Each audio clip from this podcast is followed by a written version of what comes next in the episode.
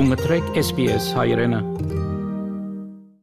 Ողջույն հարգելի ունկնդիրներ, անցաչափաթը Հայաստանում, Արցախում եւ Սփյուռքում։ Թուրքիայի հատուկ ներկայացուցիչն այցելել է թուրք-հայկական սահման, քայլ դեպի տուն, հարյուրավոր սփյուռքահայեր այսօրերին բացահայտում են Հայաստանը։ Այս եւ մյուս իրադարձությունների մասին մանրամասն։ Հայաստան-Թուրքիա կարգավորման գործընթացում Թուրքիայի հատուկ ներկայացուցիչ Սերդար Քլչը մի շարք պաշտոնյաների ուղեկցությամբ հուլիսի 24-ին այցելել է Կարս։ Այդ մասին հայտնում են թուրքական լրատվամիջոցները։ Նա Կարսի Աքիա քաղաքաշրջանում այցելել է հայ-թուրքական սահմանի Դողուքափ անցագետ, այնուհետև եղել է Անիի ավերակներում։ ՔԼՉ Կարսում մի շարք հանդիպումներ է անցկացրել, նրա այցն ու հանդիպումներն անցել են մամուլի համար փակ ռեժիմով։ Հուլիսի 3-ին թուրքական լրատվամիջոցները հայտնել էին, որ հայ-թուրքական սահմանին Կարսի Աքիակաշրջանի Իբիշ գյուղի մոտ արդեն 20 օր է ինչ ականազերծման աշխատանքներ են ընթանում, որոնք ըստ աղբյուրի իրականացնում է իսրայելական ընկերությունը։ Հայաստանի պաշտպանության նախարար Նախարարությունը ի պատասխան լրատվամիջոցների հարցմանը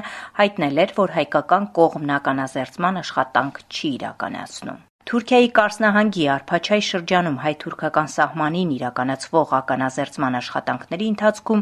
ականի պայթյունի հետևանքով վիրավորվել է 1 մարդ, գրում է Էրմենի Հաբեր պարբերականը։ Հուլիսի 26-ին Հայաստանի արտգործնախարար Արարատ Միրզոյանն աշխատանքային այցով կլինի Չեխիայի մայրաքաղաք Պրահայում։ Հայաստանի արտգործնախարարը հանդիպումներ կունենա Չեխիայի արտգործնախարարի եւ Սենատի նախագահի հետ։ Այցի շրջանակներում կքննարկվեն հայ-չեխական կապերի ընդլայնումը ընդլայնմանը, ժողովրդավարության ոլորտում համագործակցության ամրապնդմանը, Հայաստան-Եվրամիություն հարաբերություններին, ինչպես նաև տարածաշրջանային անվտանգությանը եւ կայունությանը վերաբերող հարցեր։ Հայաստանի վարչապետը հուլիսի 25-ից գտնվում է արձակուրդում, այս մասին հայտնում է Հայաստանի կառավարության մամուլի ծառայությունը։ Վարչապետ Նիկոլ Փաշինյանը հուլիսի 25-ից գտնվում է արձակուրդում, որն անցկացնում է Հայաստանում։ Իշխող ուժից հայտարարում են, որ ընդդիմությունը պետք է վերադառնա խորհրդարան, որովհետև նրանք մանդատ են ստացել ընտրողների ձայնը խորհրդարանում լսելի դարձնելու եւ ոչ թե փողոցում։ Ընդդիմությունը պիտի վերադառնա, եթե առաջնորդվում է իր ընտրողների շահերի պաշտպանությամբ։ Ընդդիմությունը խորհրդարան գնալու է բացառապես իր օրակարգով հայտարարել է հայ հեղափոխական դաշնակցության Հայաստանի Գերագույն մարմնի ներկայացուցիչ Հայաստան խմբակցության падգամավոր Իշխան Սաղաթելյանը։ Շուրջ 330 հազար Հայաստանի Հանրապետության քաղաքացի քվեարկել է Հայաստան եւ պատիվ ունեմ դաշինքներին։ Այն օրակարգը, որը ձևավորել է մեր ընտրողը եւ նաեւ շարժման ընթացքում ձևավորվել է փողոցում, մենք բացառապես սпасարկելու ենք այդ օրակարգ։ Եթե իրենց համարձակությունը կհերիքի, կփորձեն հերթական ապօրինի եւ հակասահմանադրական ճանապարով զրկել ընդդիմությանը մանդատներից, երկրում կլինի լիարժեք նաեւ սահմանադրական ճգնաժամ։ Արցախ Արցախցի իմբիշ Հայկ Ավանեսյանը դարձել է դեռահասների Եվրոպայի արծաթե մեդալակիր հուլիսի 16-ից 19 Խորվաթիայի մայրաքաղաք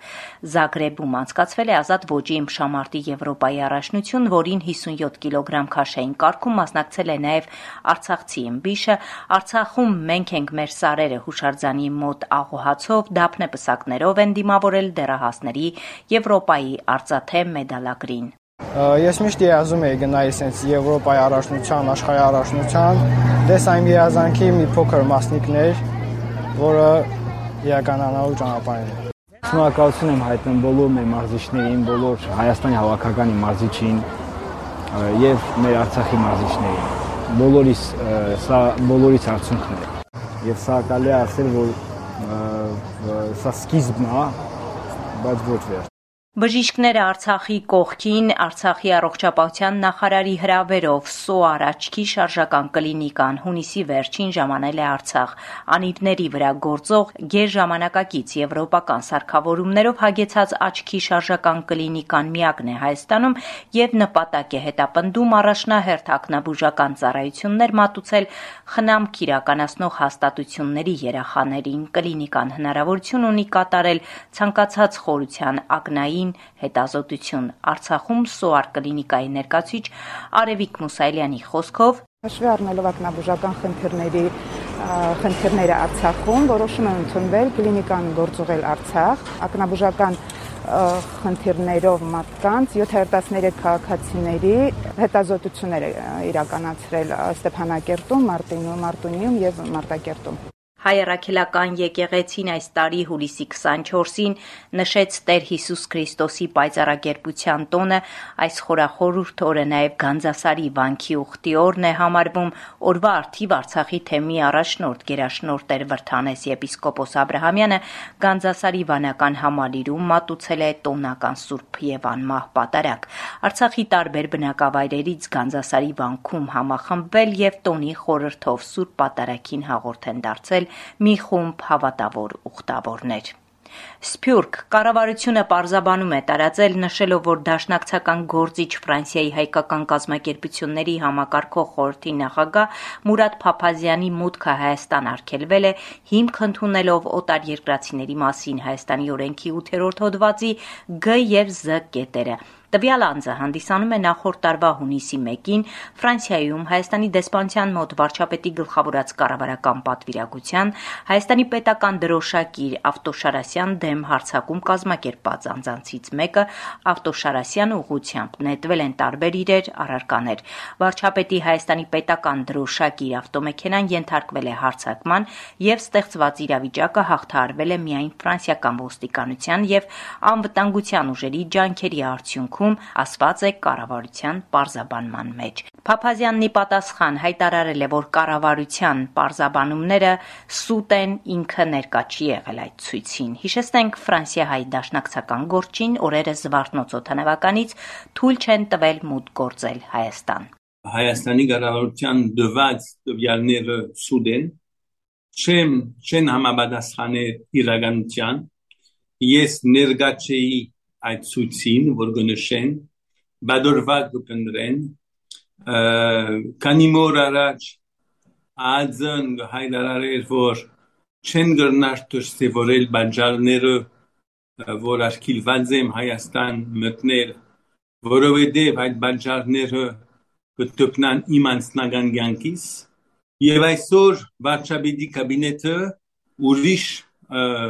դարբերակ մը հրամցնե ժողովրդին այն է որ ես մասնակցած եմ ներկա եղած եմ գազམ་ագերբած եմ ցույցը 1 հունիս 2021-ի Վարշավեդի դեմ Փարիզի մեջ սխալ է թող պաստերը բերեն եթե պաստեր ունին բոլորովին սխալ է ես չեմ ընդունիր որ այսպիսի իշխանություններ աղավաղեն իրականությունը եւ ամեն օր սուտ գխոսին ժողովրդին Իսպանիայի Մալագա քաղաքում հայկական եկեղեցի է բացվել Արևմտյան Եվրոպայի հայրապետական պատվիրակ Գերաշնորհ Տեր Խաշակ arczepiskopos. Պարսամյանը հուլիսի 21-ից 23-ը հովական այցով Իսպանիայի հարավում գտնվող Մալագա քաղաք է այցելել, ինչի նպատակը եղել է Մալագայում նորակառույց հայկական եկեղեցու դեռն բացեքի եւ սրբապատկերների ոցման արարողությունները։ Այս մասին տեղեկացնում է Արևմտյան Եվրոպայի հայրապետական պատվիրակության դիվանը։ Արարողության ավարտին սրբազան հայրը խոսքն ուղելով բոլոր ներկաներին նշել է, որ այս եկեղեցին պետք է լինի բոլոր հայերի տունը եւ բոլորը հոգ պետք է տանեն այն կյանքով լցնելու համար։ Քայլ դեպի տուն Հայաստանը կբացահայտի 400 սփյուռքահայ պատանի ճամբարը մեկնարկել է հունիսի 27-ից կշարունակվի մինչև օգոստոսի 20-ը 4 փուլով ծրագիրը նպաստում է, որ աշխարհի տարբեր երկրներում ապրող հայ երիտասարդները ծանոթանան Հայաստանին։ Ծրագիրը նպաստում է, որ